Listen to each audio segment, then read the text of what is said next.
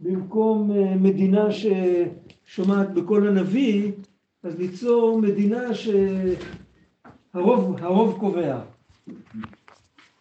רק הם, הם רצו ליצור מדינה כזאת שיהיה לה את הסמכות הדתית. לא שהרוב קובע איפה יעבור כביש, כן? אלא שהרוב קובע במה עליך להאמין. וזה היה הפגם שלהם. מאיפה זה נבע? אז כאן הוא אומר שזה נבע מזה שהם הפרידו את כל מה שדיברנו שצריך לייחד, הם הפרידו. הם הפרידו בין השם הוויה לשם אלוקים. הם לא רצו להסתכל על הפנימיות. זאת אומרת, הם קיבלו, עכשיו בואו נסביר את זה טיפה בשפה שלנו. כולם האמינו בבורא. הם, אף אחד מהם לא היה אתאיסט. כולם הבינו שלעולם יש נקודת התחלה, ונקודת ההתחלה של העולם זה מישהו שהוא מעבר לעולם. זה הם האמינו. אבל אה, אפשר להגיד את זה בצורה יפה כזאת, כאילו, שהוא מעבר לעולם, שישאר מעבר לעולם. שלא ייכנס לנו פה, שלא יסתובב לנו ב, ב, בינינו. מה באמת היה שם? אפשר להסביר את זה בדיוק, יש, יש כמה אפשרויות, אבל עזב השם את הארץ ביד הכוכבים והמזלות, שזה אומר הנביא בדורות הרבה יותר מאוחרים, זה הכל בנוי על אה, משהו של, אה, הזכרנו את המדרש במגילת איכה שבוע שעבר, חלקי השם אמרה נפשי על כן אוכיל, זוכרים? שמשל למלך שנכנס לאיזה עיר וישבו שם גדולי המדינה, גדולי העיר, וכל אחד לקח הביתה לאירוח את מישהו מהפמליה המלכותית. חוץ מאשת המלך. ואף אחד לא רצה את המלך, חוץ מהיה שם איזה פיקח אחד שהוא לקח את המלך. והוא מוגדר כפיקח, וכל היתר מוגדרים כטיפשים, וה, והמדרש אומר, בגלל שהמלך לא התחלף, את כולם המלך יכול להחליף, אבל המלך לא מתחלף. ואותו דבר אומות העולם, זה, זה בחר לו את השמש, זה בחר לו את הירח, זה בחר לו את זה, וזה בחר לו את זה. ועם ישראל הוא היה פיקח ואמר הם כולם יכולים להתחלף. אה, שמיים כעשן ימלחו והארץ כבגד תבלה, הכל, שום דבר לא נצחי. היחיד שהוא קדמון והוא נצחי זה רק הבורא בעצמו ואנחנו בוחרים אותו, אנחנו לא רוצים. זאת אומרת שבזה היה הפגם שלהם שהם העדיפו את הנוחיות על האמת. יותר קל לארח בבית את השרים מאשר את המלך, בגלל שתי סיבות. קודם כל בגלל שאם המלך בא אז צריך, צריך הכל להיות טיפ טופ עד הסוף. וחוץ מזה עם השרים אפשר לעשות דילים. עם המלך זה פחות ניתן. אז אה, זה לא משתלם. אז אותו דבר עדיף לבחור בירח, בשמש, בכוכב פלוני, בכוכב אחר, איתם אפשר להסתדר, אפשר, אה, אפשר להקריב להם קורבן, אפשר לשחד אותם, אבל המלך בעצמו, נותנים לו בעיטה כלפי מעלה ומוציאים אותו מהרלוונטיות, כאילו יוצרים אה, השקפת עולם שהוא יצר מערכת שהוא לא יכול להתערב בה. הוא בעצמו חוקק חוק שהוא לא מתערב. וזה מוציא את האנושות מכלל תקווה ומכלל תפילה, ו, וודאי שאין אמונה בניסים, אם יש דבר כזה. וזה היה הדור של, בעצם הם, הם, הם נקראו דור הפלגה בפשט, בגלל שהם נפלגו אחד מהשני בסוף. אבל בעצם מתחבא כאן רמז שהם פילגו את הנהגת הטבע, את החוקיות, מהבורא. כאילו אין קשר ביניהם. הוא בעצמו לא יכול אה, לשנות את מה שהוא יצר. ככה הוא מסביר את הפגם של דור הפלגה. והיות שזה היה בתחילה, וכל בני אדם היו שותפים לזה, אם היום מישהו יפתח השקפת עולם כזאת, אף אחד לא יעשה לו כלום, זה חלק מהבחירה. הבחירה היא שיש כל כך הרבה השקפות, תבחר את מה שנכון. אל, אל תלך אחרי מישהו בעיניים עצומות. אבל בזמנם זה היה כל האנושות. אז זה, זה היה שולל את האפשרות לבחור. זאת אומרת, זה יצר מין משהו כזה שזה האמת, מי שחושב אחרת, אז ראינו מה שעשו לאברהם, הוא עוד היה ילד, הוא העז לחשוב אחרת, אז uh, רצו להרוג אותו. בימינו היו מאשפזים אותו. היו אומרים, הוא שומע קולות או סכיזופרן. את כל הנביאים היו מאשפזים בימינו. אבל יש לי שאלה לגבי זה. כן. אבל העבודה הזרה היא הייתה עבודה, עשו שם עבודה, זה לא שהקריבו קורבנות רק לירח, אלא נעשתה שם עבודה רוחנית. כן, ולכן? אז זה עדיין היה קשה. אבל זה עדיין היה קשה, כאילו. מה זאת אומרת? זה השאלה שלך, זה עדיין היה יגיעה. יגיעה, עבודה. כן, והם לא הרוויחו שהם... אז אה, זה, קודם כל זה מתחלק, זה לא בכל מקום, אבל היו מקומות שהיה דבר כזה, אבל אה, עדיין יותר קל, אם אני לא עומד פנים אל פנים מול הבורא עצמו, מה שאם אני כן עומד. כמה שאני קשה וכמה שאני אתייגע וכמה שזה, עדיין יותר קל לעמוד מאחורי איזה מסך, מאחורי מיסוך, ולא לעמוד פנים אל פנים ממי שבאמת הכל תלוי בו. אז לכל הפחות מזה הם הצליחו להימנע. זה לא כמו שאני אמרתי שכאילו הם רצו להתפנק לגמרי. לשבת על הכורסה ולאכול במבה מול הטלוויזיה, זה לא היה, זה נכון. הם תמיד עבדו, אבל יש הבדל מול מי אתה עומד. הם, היה להם איזה פחד, איזה רתיעה לעמוד מול הטוטליות השלמה. הם תמיד שמו אותה מעבר לאיזה משהו, כאילו הוא ברא מערכת של חוקים שהוא בעצמו לא יכול, לא יכול להפר אותם. והנביא, איך הנביא אומר, אם לא בריתי יומם ולילה, חוקות שמיים וארץ לא שמתי. אז... אה,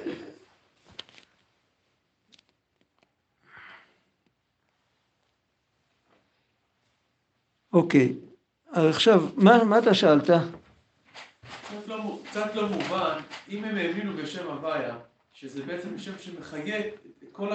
כן. הוא בעצם זה שמשריש ונותן חיים לשם אלוקים. כן. איך הם באו להילחם נגדו?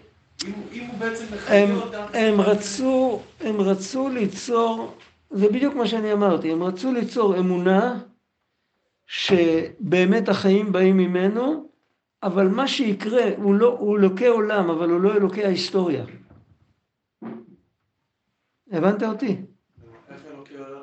אתה לא יכול לבקש ממנו שישנה משהו בשטח. הוא ימשיך להחיות את כולם, אתה יודע, זה כמו זרם מים שעובר דרך צינורות. מה יעשו עם המים האלה? זה לא מעניין אותו. יעשו, איתה, יעשו איתם דברים טובים, ושיעשו איתם דברים רעים, זה לא מעניין אותו. כפתור אוטומט כזה. כן. וזה זה, זה, מה, זה נתן להם איזשהו... לא יודע, מצד אחד זה הרבה יותר גרוע לחיות ככה. הרבה יותר קל לחיות אם יש אפשרות להתפלל. זה מצד אחד. מצד שני, אם יש אפשרות להתפלל, אני גם צריך לשמוע בכל מי שאליו אני מתפלל. ופה יבוא אסון ישטוף אותי, בסדר, אין מה לעשות. אז אני צריך לעשות השתדלות בדרך הטבע שעשות. לשים שם סכר, ששום דבר לא ישטוף אותי. אבל אני לא, אני לא מחויב, אה, אני אעשה עבודה כי אני רוצה, אני אעשה עבודה כי אני רוצה להתפתח, כי אני רוצה להתעורר, אבל אף אחד לא אומר לי מה לעשות.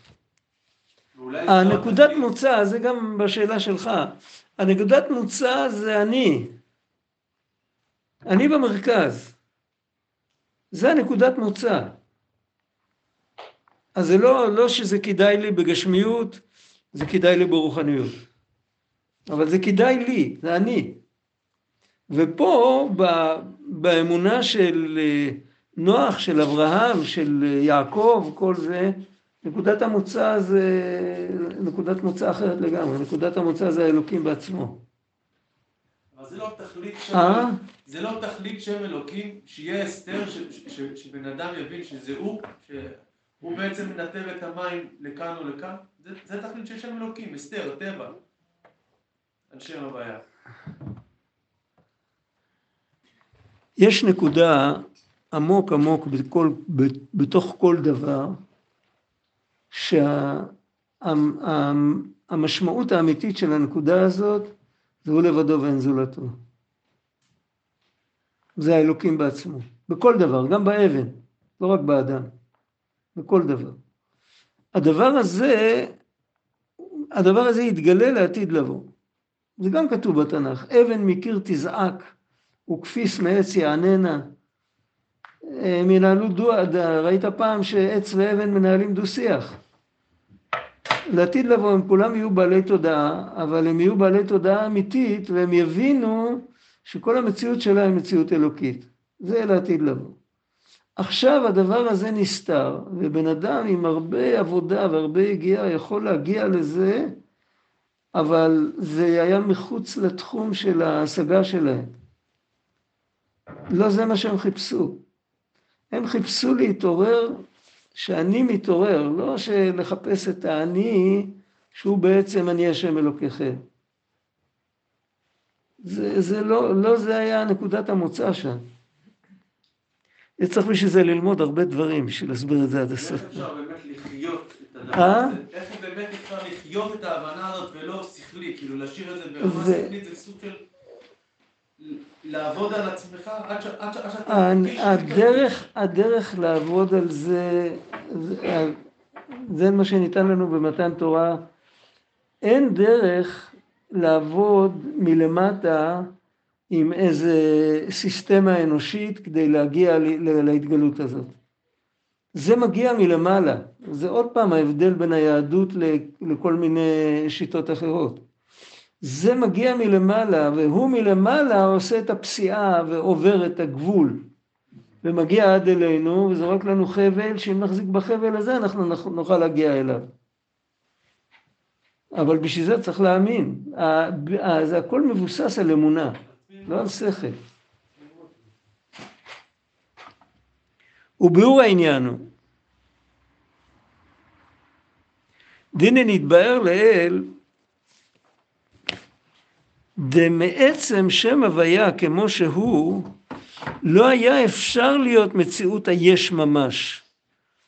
יש כזה מנוכר שאומר אני ואפסי עוד, אם שם הוויה מאיר, אז אפילו אם הוא ייברא, אז הוא יתפוגג. זה כמו, כמו לשקר מישהו שהיה שם וראה את האמת.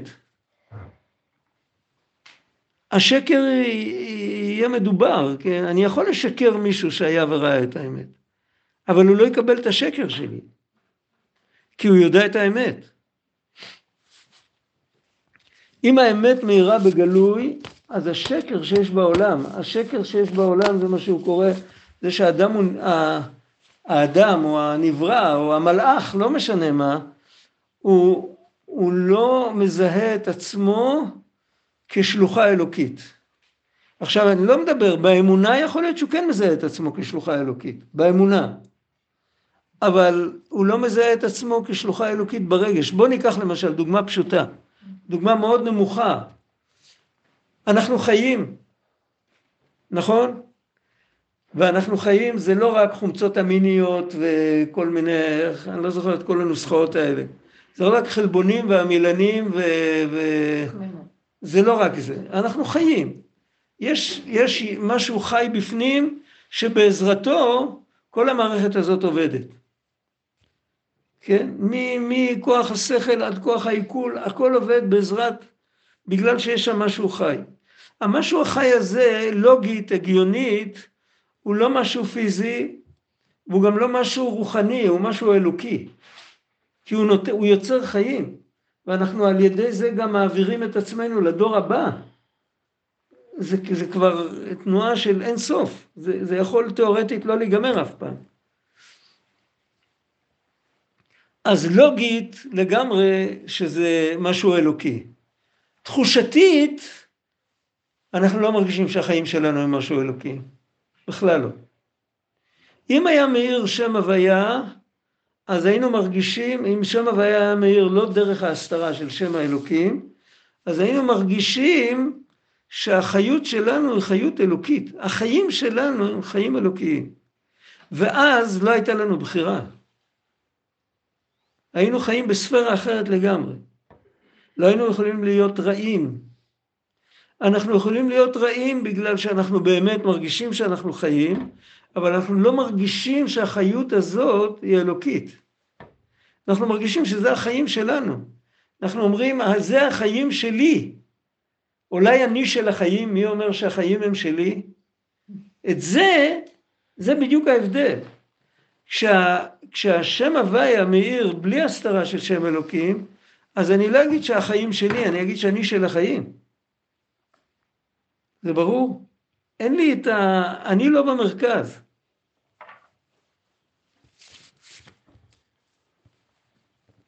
אז לא היה יכול להיות מציאות היש ממש.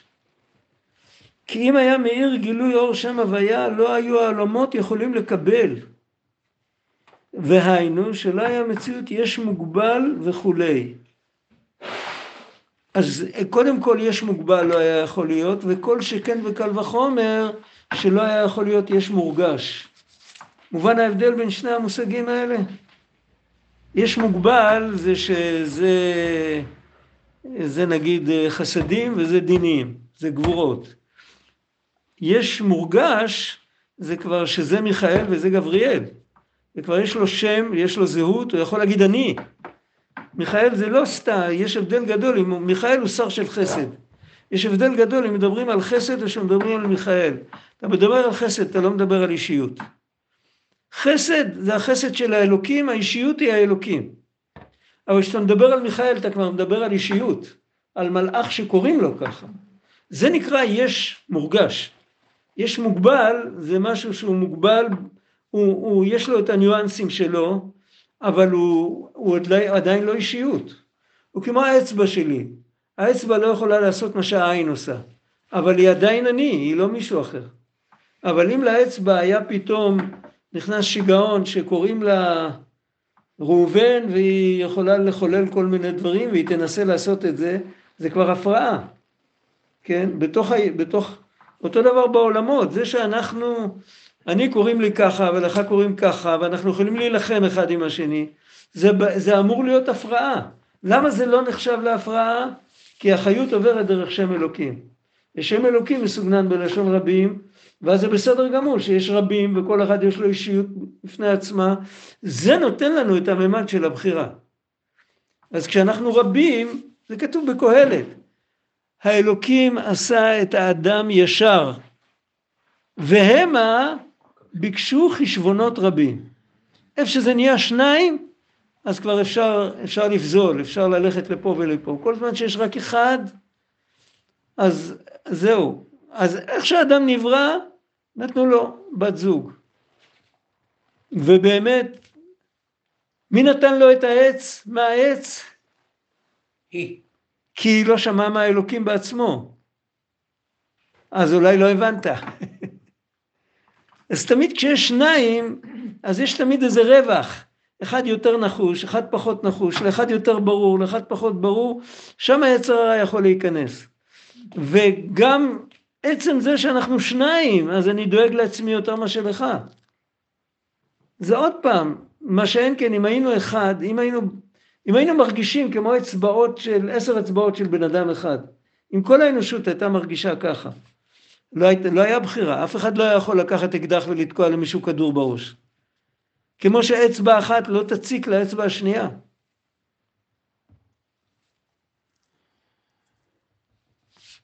לא היינו יכולים לעבור על ציווי של אלוקים גם בין אדם למקום.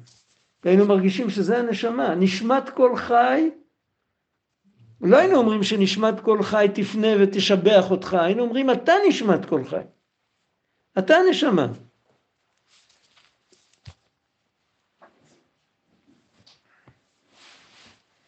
והיינו שלא היה מציאות יש מוגבל וכולי, החולי זה כאילו שהוא אומר וכל שכן שלא היה יש מורגש, זה וכולי. וכנ"ל במשל, דהשפעת השכל, זה כתוב בסוגריים, כי את זה הוא הסביר בהתחלה באריכות. במשל דהשפעת השכל, שאם היה הרב מגלה עצם שכלו כמו שהוא, לא היה מקבל יכול לקבל. שהוא מתבלבלים חושי מקבל לגמרי, דהיינו ביטול הכלים שלו. אז צריך לחזור עוד פעם, נקודה אחת. כשאני מסתודד ויושב ילד, ילד בן 12, כבר ילד גדול, והוא נעלב למה, למה ההורים מסתודדים. אז תלוי עד כמה הוא חכם. תלוי עד כמה הוא חכם. אם הוא, אם הוא לא כל כך חכם, אז הוא, הוא כאילו הולכים לו מאחורי הגב, בטח מדברים עליו, ובטח מסתודדים, ושהוא לא ישמע, מי יודע לאן רוצים למכור אותו. ואם הוא חכם, וזה נדיר בגיל הזה חוכמה כזאת, אבל אם הוא באמת חכם, אז הוא מבין שהם אוהבים אותו, ושהם רוצים לטובתו, ושכנראה יגיע יום שהוא ידע את כל מה שהם מדברים, אבל כדי לקבל את כל מה שהם מדברים, הוא צריך להיות מבוגר יותר. ואם הוא יקבל את זה היום, אז זה יזיק לו. אז שני הילדים האלה יושבים, אחד עם חוכמה ואחד בלי חוכמה. לאחד מקבל בטוב את ההתלחשות של ההורים, וזה עושה לו טוב בנשמה, זה, זה משדר לו שדואגים לו, והשני זה ממריד אותו וזה עושה לו רע. אז זה בדיוק מה שהוא בא, כל, ה, כל הסוגיה שהוא דיבר על, על אחד כזה שמגלה לתלמיד רק משהו קטן, הוא לא מגלה לו את הכל, ובסוף בעוד 40 שנה הוא יבין, כל הסוגיה הזאת זה רק בשביל להסביר את הנקודה הזאת. אנחנו בעולם שכולו הסתרה, ואנחנו צריכים להבין אה, איך הוא כותב בתורה נ"ו, בליקוטי מהר"ן, יש איזו תורה שלמה. בתורה הזאת, בדפוסים הישנים, היה כתוב, זה מתחיל עם הפסוק ביום הביקורים, היה כתוב ביום הביקורים הסתרה. זה היה כותרת של התורה, בדפוסים החדשים לא ראיתי את זה יותר. זאת אומרת, אנחנו מקבלים הסתרה, והוא כותב שם שאנחנו בהסתרה שבתוך הסתרה, אנחנו רואים הצגה ואנחנו לא, אנחנו חושבים שזו המציאות האמיתית. מישהו פעם עשה סרט על זה. איך קוראים לזה? לא זוכרים. אתה, כנראה, אני לא זוכר, אני לא זוכר את השם. עשה סרט. המופע של טרומן. איך? המופע של טרומן. כן, אוקיי. אז... בעצם זה סוג של כישוף. אפשר להגיד, כישפו את הבני אדם. מה זה ההסתרה הזאת? אנשים, משהו אה, גורם להם לא לראות, גורם להם... אה, אוקיי, בסדר, אבל ההסתרה הזאת היא, היא, היא, היא נקודת ההתחלה שלנו. אנחנו נבראנו בצורה כזאת שזה נקודת ההתחלה שלנו, ואנחנו מלמטה צריכים להסתיר את, להסיר את ההסתרה. להסיר את ההסתרה לגמרי, זה אלוקים בעצמו יסיר אותה לעתיד לבוא. מה שאנחנו יכולים להסיר את ההסתרה, זה לא להסיר את ההסתרה כדי שנראה, זה, לא, זה כמו הילד החכם. הילד החכם, המסקנה שלו היא לא לשים איזה מכשיר ציטוט. המסקנה שלו שזה בסדר גמור שככה זה צריך להיות, אבל זה לטובתי. זה ברור, אז את זה הוא רוצה להגיע, מה שהוא רוצה, הוא לא רוצה להסיר את ההסתרה מאיתנו. ההסתרה קיימת והחוקיות קיימת ובן אדם שרוצה לרדת מה, מה, מהקומה השנייה לזה, אז הירידה דרך המדרגות בלבד. שלא ינסה לקפוץ דרך ה... להגיד אין חוקי טבע, הוא יעלה על המעקה ויקפוץ וישבור את הראש. זה לא, זה לא נכון. צריך להתחשב עם חוקי הטבע וצריך לעשות השתדלות. רק צריך לקבל תובנה מה המשמעות של ההסתרה הזאת. המשמעות של ההסתרה הזאת היא לא לרחק, אלא לקרב. תישאר במדרגה שלך, ותבין שבסוף ידברו גם אליך. רק כרגע תתחיל להתפתח מנקודת המוצא שלך. תעשה את העבודה שאתה יכול, ואז ניפגש באמצע הדרך, מלמעלה יבואו עד לאן שאתה יכול להגיע, וזה מה שיקרה. זה מה שיקרה. אבל אם בן אדם לא מתחיל בכלל, אז אפילו שירדו לו כמה שירדו לו, אבל הוא צריך לעשות כלים. הכלי הראשון כאן זה אמונה בטוב האלוקי, זו אמונה מאוד קשה, כי אנחנו רואים הרבה פעמים מקרים מאוד קשים בעולם. האמונה ביכולת האלוקית היא אמונה יותר פשוטה. האמונה בטוב האלוקי, אמרו לי הרבה אנשים שהם מוכנים להאמין בהכל חוץ מהפסוק טוב השם לכל. לא רואים שהוא טוב. רואים שהוא אל כהנה ונוקם, זה הם יכולים לאשר בחתימת ידיהם. אבל להגיד שהוא טוב, אז הרבה פעמים האל קנה ונוקם הזה, בעצם כל מה שנראה לנו נורא ואיום, זה בסוף, בסוף הסיפור אנחנו נגלה שזה לטובתנו. ועל זה הוא מדבר, וזו עבודה לא פשוטה, זה הרבה עבודה לעשות. למרות שזה סך הכל אמונה ולא נדרש כאן הבנה של שכל. אבל זה איזושהי עבודה בנפש לתת אימון. זה לא קל. התלמיד הזה שהוא מדבר עליו פה בסוגריים הוא תלמיד שנותן אמון ברבו. אם הוא לא ייתן אמון ברבו, הוא יברח. הוא ילך למקום שמוכרים לו, יגלו לו את כל הסודות ויעשו אותו בשנייה משהו גדול. כמו כן הוא בדוגמה למעלה, כשהיה מאיר אור עצם שם הוויה, לא היו העולמות בבחינת מציאות יש. וכמו שכתוב בעץ חיים, יהודים שלומדים קבלה מכירים את זה, ההתחלה של העץ חיים, לא ממש ההתחלה, אבל ההתחלה של האוצרות חיים, שזה בעצם אותו ספר עם עריכה, עריכה משופרת יותר, יותר מאורגן, יותר מסודר. אז מתחילה כשהיה אור עליון פשוט, ככה הוא מתחיל. אור עליון פשוט ממלא את המציאות, לא היה מקום לעמידת העולמות. וידוע הפירוש, ולא היה מקום, רוצה לומר שלא היה אפשר להיות מציאות העולמות מהגילוי אור עליון הפשוט כמו שהוא.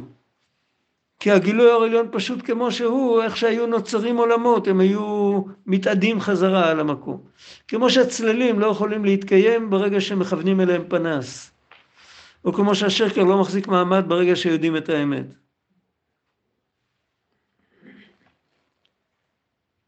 כי אם על ידי שם אלוקים דווקא,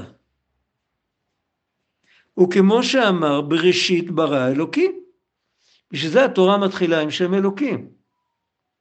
היא מתחילה עם השם של הריחוק, עם השם של כאילו, אתם קטנים ולא יודעים כלום, ואף על פי כן אל תיעלבו. היינו שם הוויה על ידי שם אלוקים, כי הפסוק חוזר על עצמו בפרק ב', אז הוא אומר אלה תולדות השמיים והארץ, ביום ברו השם אלוקים שמיים וארץ. זאת אומרת, קודם כל תקבל את זה שזה הכל אלוקים, הכל חוקיות, הכל לשון רבים, הכל זה. אחר כך כשאתה עושה עוד נגלה, אתה הולך כמו ספירלה. אתה מסתכל על הכל בצורה יותר עמוקה, אז תדע לך שבתוך השם אלוקים שדיברנו עליו 32 פעמים כתוב אלוקים ולא כתוב אף פעם אחת שם הוויה. אז תדע לך שבתוך כל, ה... כל הפעמים האלה בעצם מה שהיה דומיננטי שם זה שם הוויה.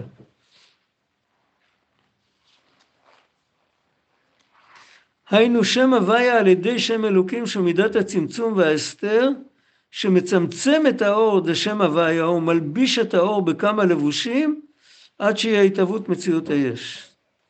וזה שאמרו רז"ל, חז"ל דיברו על הלבושים. איך הם קראו ללבושים האלה? אין לך עשב מלמטה, שאין לו מזל מלמעלה, המכה בו ואומר לו גדל. מה זה המזל הזה? אז יש... אה,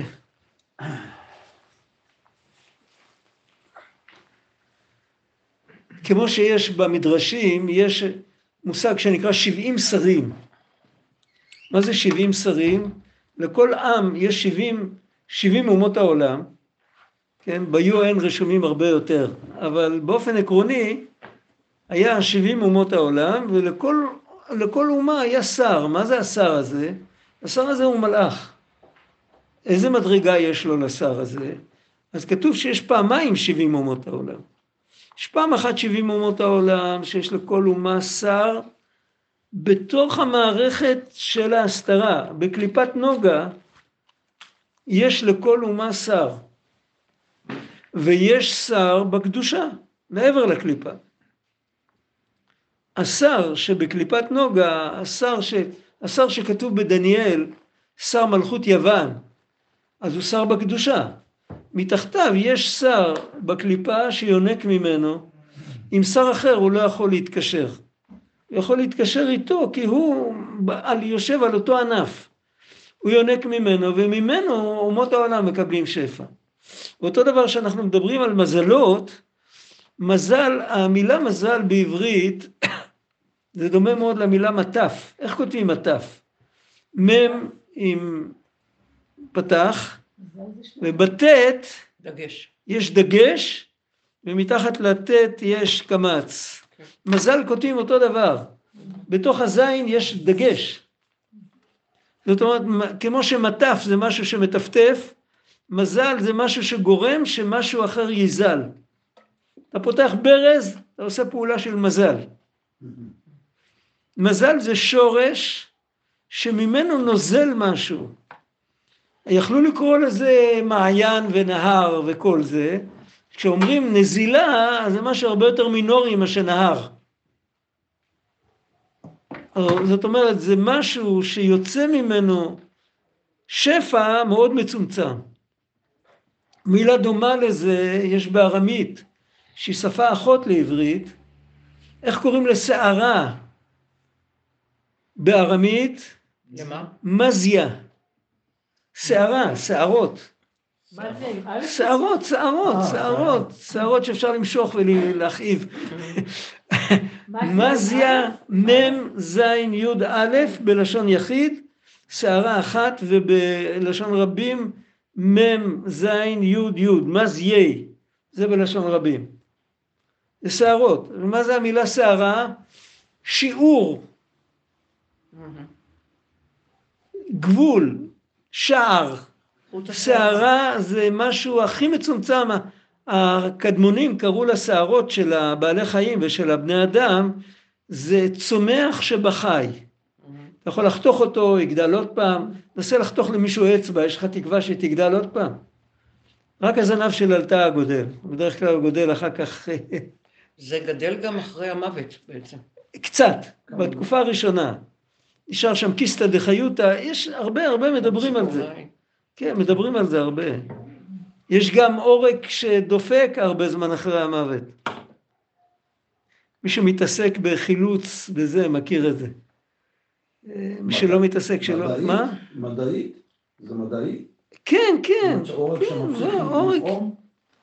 חבר שלנו נרצח, שעות אחר כך עוד היה פה דופק, הוא כבר לא היה חי לכל, בכל פרמטר, הוא היה קר לגמרי. ארז, ארז לבנון, השם ייקום דמו. סיפר לי הבן אדם שמצא אותו. הלכו לחפש אותו. מישהו הלך הצידה בשביל מן הצד ומצא אותו. ועוד עוד דפק משהו. והם הם כולם שמחו, הם חשבו שזה, בסוף התברר להם שזה הדבר הזה יכול לדפוק אה, הרבה זמן. יש משהו שנשאר שורה על הגוף, יש, יש בחינה ששורה על הגוף הרבה שנים על הקבר, הרבה שנים אחר כך. אני לא ניכנס לזה עכשיו, זה רק- רק- רק שאלה קטנה, למה שערות זה דינים? שערות בגלל הצמצום, שערה בגלל, אם אני חותך אותה והיא יכולה לגדול עוד פעם, זאת אומרת שהיא לא, לא ממש חלק בלתי נפרד מהגוף. זה כאילו משהו שהודבק לגוף וצומח, הוא מקבל יניקה, אם, זה, אם אני חותך את זה וזה לא כואב. זקן זה חסדים. מה? אבל זקן זה חסדים. יחסית בתוך השערות, בכל מערכת, קודם כל אתה מקט- מקטלג אותה לאן היא שייכת, ואחר כך בתוכה אתה רואה עוד פעם את כל העשר ספירות. אז זה לא כל כך אה, קשה. אבל שערה, שערה, שער, שער זה פתח, יש לך חומה ארוכה, יש פתח שדווקא דרכו אתה יכול להיכנס ולצאת.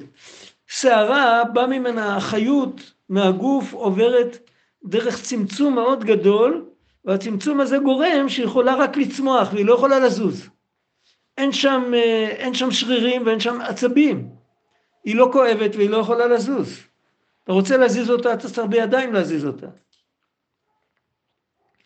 אז זה נקרא מזיה. המילה מזל בעברית, היא, היא ב, היא, יש בזוהר שמדובר על, ה, על מזל העליון, מה שנקרא, אז הוא אומר שזה הי"ג תיקוני דיקנה, זה שיא הרחמים, אבל הזקן. בעצם זה צמצום גדול. אה? תיקוני הזקן, דיקנה. כן, כן. זה צמצום גדול. אבל בגלל שזה צמצום מהכתר העליון, אז גם אחרי כל הצמצומים זה יותר רחמים מאשר כל הספירות האחרות. כך כתוב במפורש. אבל זה, זה צמצום גדול. שערה זה צמצום גדול. מזיה, מזל. וכשאנחנו מדברים על זה שאנחנו מקבלים את אין לך כל עשב למטה שאין לו מזל מלמעלה, לא מדובר על המזלות העליונים של הכתר. מדובר על איזה צמצום בדרך שזה כל כך מצומצם שכבר דרכו מגיע החיות לעשב פלוני. זה תכלית הצמצום. תכלית ההתפרדות, תכלית ה... זה כאילו נשמתו של העשב הזה.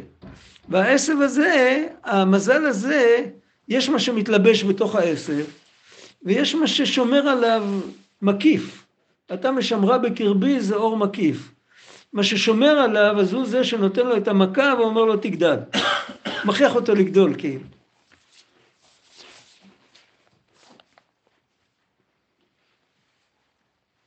הביטוי הזה, אה? הביטוי הזה כחוט השערה, זה כאילו... כן, חוט השערה זה שערה מת- שמתפצלה. לא, שערה לפעמים מתפצלת. כן, אבל זה ו- למשהו מאוד מאוד מינימלי, מידה מי- מינימלית מאוד. כחוט השערה, כאילו... חוט השערה זה סטייה הכי קטנה שיכול להיות. זהו. אבל אם מדברים על הסערה, זה כשמדברים על הסערה יחסית לקו האמצע. אבל אם מדברים על הסערה כעל נציגה של הגוף, עכשיו מדברים על צמצום נוראי. את הגוף יכולים לייצג אה, אצבע, רגל, אוזן, אבל שערות וציפורניים מייצרים את הגוף בצורה הכי מצומצמת שיכול להיות. לזה הכוונה כאן, זה לא קשור לאיכות השערה להנה או להנה.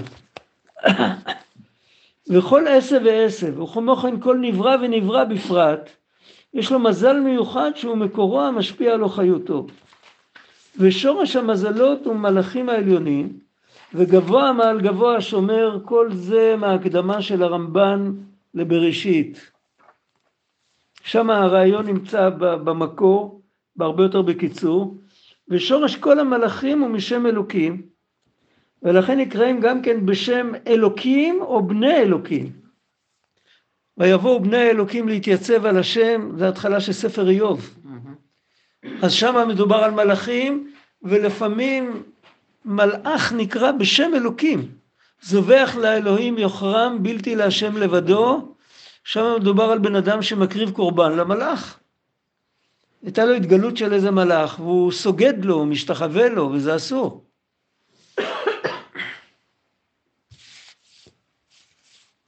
מה שם עם מנוח, הוא לא הקריב ל... עם מנוח, הם נתנו לו מנחה, לא קורבן, ואז, וגם הוא, וגם הוא אמר להם, אם תקריב להשם תעלנה.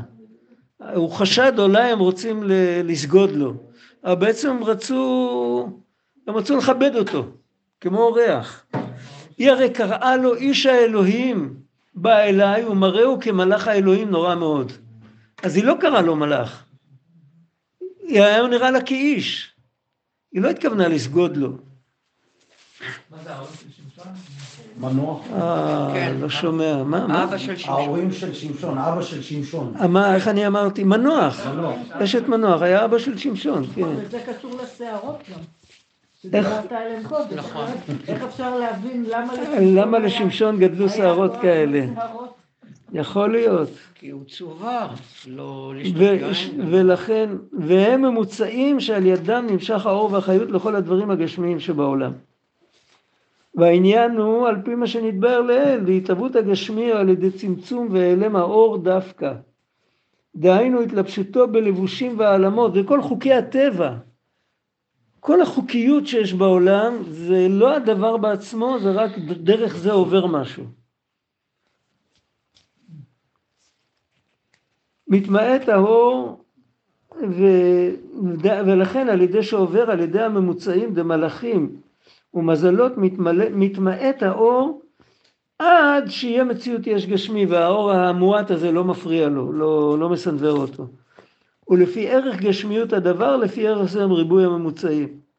צריך יותר ממוצעים בשביל ליצור דומם מאשר בשביל ליצור צומח. ממוצעים זה. מלאכים.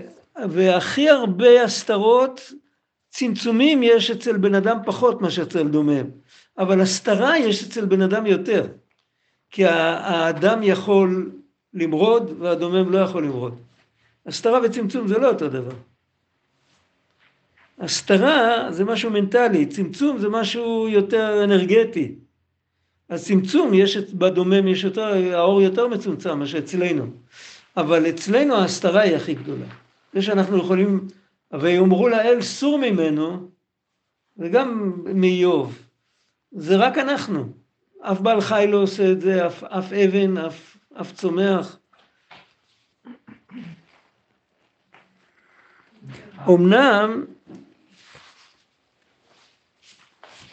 עצם ההתהוות הוא משם הוויה. דהוויה הוא המהווה, רק שעובר על ידי שם אלוקים בכדי ש...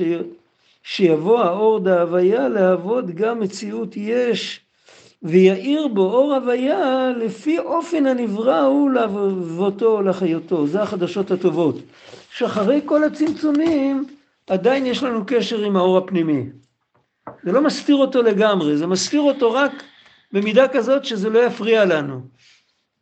ושזה לא יעכב אותנו ושזה לא יקלקל לנו את הבחירה, אבל זה עדיין לא, לא מוסתר לגמרי. זאת אומרת, מה פירוש הדבר הזה לא מוסתר לגמרי? איך אפשר להסתתר לא לגמרי? אז כמו, כמו שחדים חידה. חידה זה הסתרה. ואף על פי כן, אם תעשה מאמץ, אז תוכל לפענח אותה. אבל מאמץ אתה צריך לעשות. זה נקרא הסתרה חלקית. הסתרה טוטאלית זה שמה שלא, איך אומרים, תעמוד על הראש, לא יעזור לך. הסתרה חלקית זה שזה באמת מוסתר. אם אתה תגיע למצב שבו תוכל לעשות את המאמץ, אם לא תתפוס את זה לפני הזמן, תגיע לדרגה הזאת שבו תוכל לעשות את המאמץ, תוכל לפתור את החידה. ובאמת כל העולם כולו זה, זה חידה. ואנחנו אמורים לפתור אותה. הרב, זה מה שגם אומרים לגבי הניגון, אה. אומרים, אומרים לגבי הניגון, שבאמת בניגון האדם, הוא צריך לעשות התעוררות משלו גם, ואומרים שזה קשור לפתח בכינור חידתי. אנחנו- בכינור חידתי, יפה, יפה, יפה. אנשים היום חושבים ש... וואי, רבי אלופי ומיודעי, עד היום לא שמתי לב לפסוק הזה. כן. אז אה, היום אנחנו נוטים לאכול כל הזמן את המוזיקה, אבל בעצם בזמן שהיה בית המקדש, זה היה מקום שהאדם היה צריך לעשות התעוררות גם. תשלח את זה לדניאל שליט בחיים? כן. מישהו מכיר אותו פה? הכרתי אותו לפני הרבה שנים, אני לא יודע, אם הוא בחיים תשלח את זה אליו. תחפש אותו, יש לו בטח אתר באינטרנט, הוא מוזיקולוג, אה, יהודי ירא שמיים. תשלח לו את זה, הוא מאוד ייהנה. אביע, איך כתוב? אביע בכינור חידתי, אפתח, אפתח במשל פי, אביע בכינור חידתי. במילה אביע יש את האצילות, בריאה, יצירה, עשייה, ובסוף עוד ה'. יכול להיות שהה' זה העולם שלנו. בליקוטי תורה של בעל התניא יש אה, חלק, חלק נכבד מהכרך על ספר דברים, זה על שיר השירים, מגילת שיר השירים. והוא מתחיל עם שיר השירים אשר לשלמה, והוא מסביר שכל עולם זה כמו אוקטבה, ושיר השירים זה כל העולמות ביחד. זה כמו אוקטבה שמורכבת מכל האוקטבות. אוקטבה זה קבוצה של תווים, מדו עד דו. כן? אז uh, כל העולמות זה יצירה מוזיקלית שהיא בעצם, זו אוקטבה שכוללת את כל האוקטבות ביחד. צריך לקרוא את זה בפנים בשביל להבין מה שהוא אומר שם, זה לא פשוט. זאת אומרת, אם בן אדם נחשף לעומק של המציאות של העולמות, אז הוא צריך לדעת שלכל מה שהוא נחשף עכשיו זה לא דבר חדש. אצלו זה חדש שהוא נחשף לזה. הוא נחשף למשהו שהיה כל הזמן. מה שאמרתי עכשיו מיותר לגמרי, לא צריך להגיד את זה. אבל בכל אופן,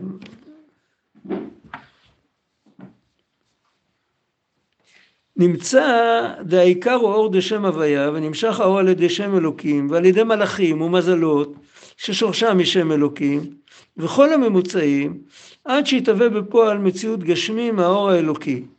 ואם כן הרי מובן דהממוצע מצד עצמו אינו כלום מאחר שאין ההשפעה וההתהוות מאיתו כי אם שעל ידי הממוצע עובר השפעת האור האלוקי המהווה כל הנבראים אם כן אין לחשוב את הממוצע כלל. וכמו שאמר ישעיהו, כן ישעיהו, ההתפאר הגוזן על החוצב בו, הגם שחוצב על ידי הגרזן, מכל מקום החוצב הוא האדם ולא הגרזן, והגרזן בעצמו לא יעשה מאומה. כי אם האדם פועל על ידי הגרזן, ולכן לא יאמר אדם כמה נאה בניין זה שבנאו הגרזן. ממוצע מהלשון סובב ומסובב וכזה לא. אה, איזה, מילה? ממוצע. ממוצע? המילה ממוצע. כן, פה, מה הוא מתכוון? כי אם שעל ידי הממוצע עובר השפעה, זה מזכיר משהו הממוצע זה, ומסובב, או- ממוצע זה מה שאנחנו קוראים בלועזית מדיום. זה, זה נקרא האובייקט. בשפת ה... האובייקט, לא. כאילו הצינור שדרכו שני האובייקטים האמיתיים באים למפגש, אהה, זה הממוצע. אוקיי. זה השפה של ימי הביניים, זה לא, זה לא השפה שלו בכלל. וכמו כן יובן, אה לא, סליחה, אלא מפארים, לא, אה, ולא יאמר, לכן לא יאמר אדם כמה נאה בניין זה שבנאו הגרזן, או כמה משובח הגרזן שבנה בניין מפואר כזה. זה מצחיק. אלא מפארים את האדם שבנאו, ושמו נקרא על הבית. אבל שם הגרזן אינו נקרא עליו כלל. והיינו מפני שאינו רק שעל ידו בא הבניין, שאינו אינו רק, כאן הכוונה אינו אלא, הוא סך הכל, כל העניין שלו שעל ידו בא הבניין, אבל לא שהוא הבונה, שאינו בעל בחירה כלל בבניין, ואין בו כוח בעצמו לבנות, הוא לא החליט לבנות, ואין לו את האנרגיה לבנות. כי אם האדם הוא הבונה, וכמו כן יובן בממוצעים העליונים הם כולם כמו גרזן, שהם רק כגרזן ביד החוצב, שעל ידו עובר ההשפעה, אבל לא שבא מכוח עצמן, ואינם בעלי בחירה כלל בהשפעה. וזה אם בן אדם מתפלל למלאך, אז uh, אני לא יודע איך המלאך מרגיש, אבל הוא בטח נעלב מזה. מה, אתה לא יודע שזה לא תלוי בי, למה אתה בא אליי?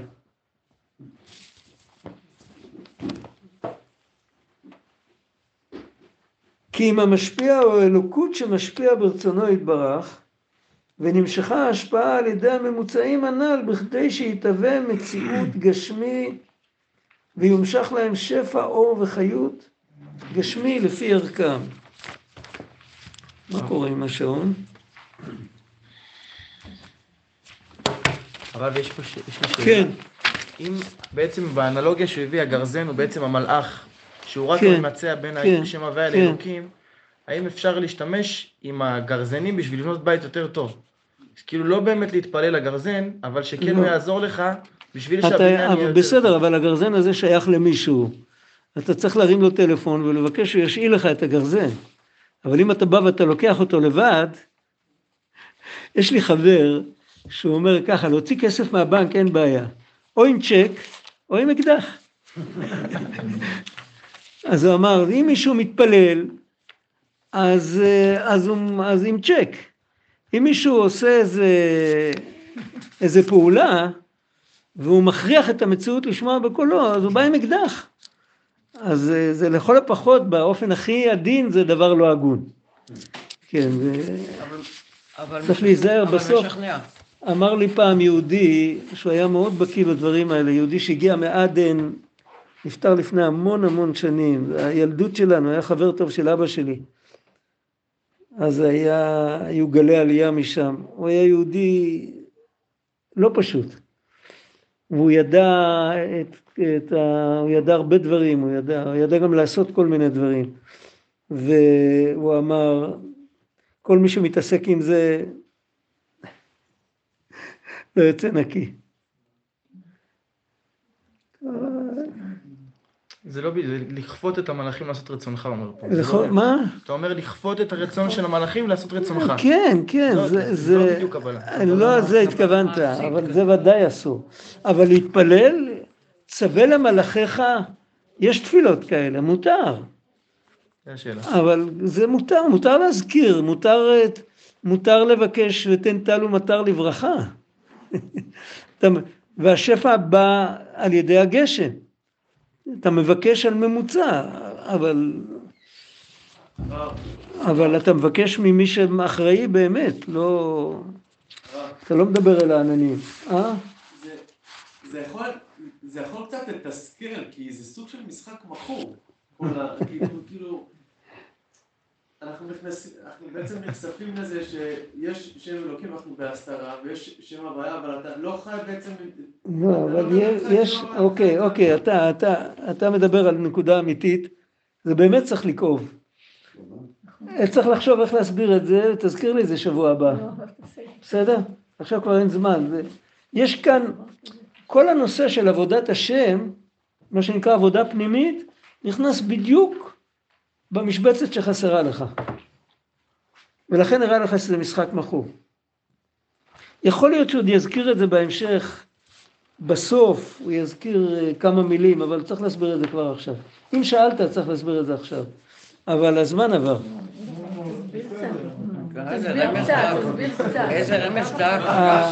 אני אסביר את מה שהוא שאל. הוא שאל כאילו, הרי אחרי ככלות הכל, כל המרווח שיש לנו זה במה להאמין. להרגיש את שם הוויה לא ניתן, נכון? אנחנו מאמינים שהכל בא ממנו, לכן כל התפילות הולכות אליו.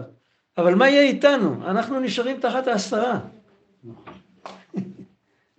מה עושים עם זה? איך מסלקים את ההסתרה? או אפילו אם לא מגיע לנו לסלק את ההסתרה לגמרי, לסלק את ההסתרה חלקית. נכון, זה פחות או יותר, זה הכאב. בסדר, בלי נדר. אה, זה עכשיו שבע, זה ארוך. זה ארוך. אולי אפשר, אולי אפשר לחיות עם ההסתרה. אולי אפשר לקבל את זה, וזאת העבודה. לא, לא, לא, זה לא המטרה. המטרה היא שדרך ההסתרה, זה לא המטרה להישאר תמיד ילד בן 12. את זוכרת מה שדיברנו שההורים מסתודדים, זה לא המטרה להישאר בגיל 12. אי אפשר לעצור. אנחנו כולנו כל הזמן אמורים לצמוח ולהתקדם. הקבלה שלנו עכשיו, היא יכולה לגרום שבהמשך כשנתפתח נקבל אחרת, אבל צריך לדעת מה לעשות בינתיים. כאילו איך לחיות את המרווח הזה כדי שבאמת נקבל יותר. בשמחה. זה לא בהכרח שילד בן 18 הוא יותר חכם מילד בן 12. לא בהכרח. תלוי איך הוא יתפתח. טוב, בואו נשאיר את זה פה. תודה רבה. תודה רבה לכם.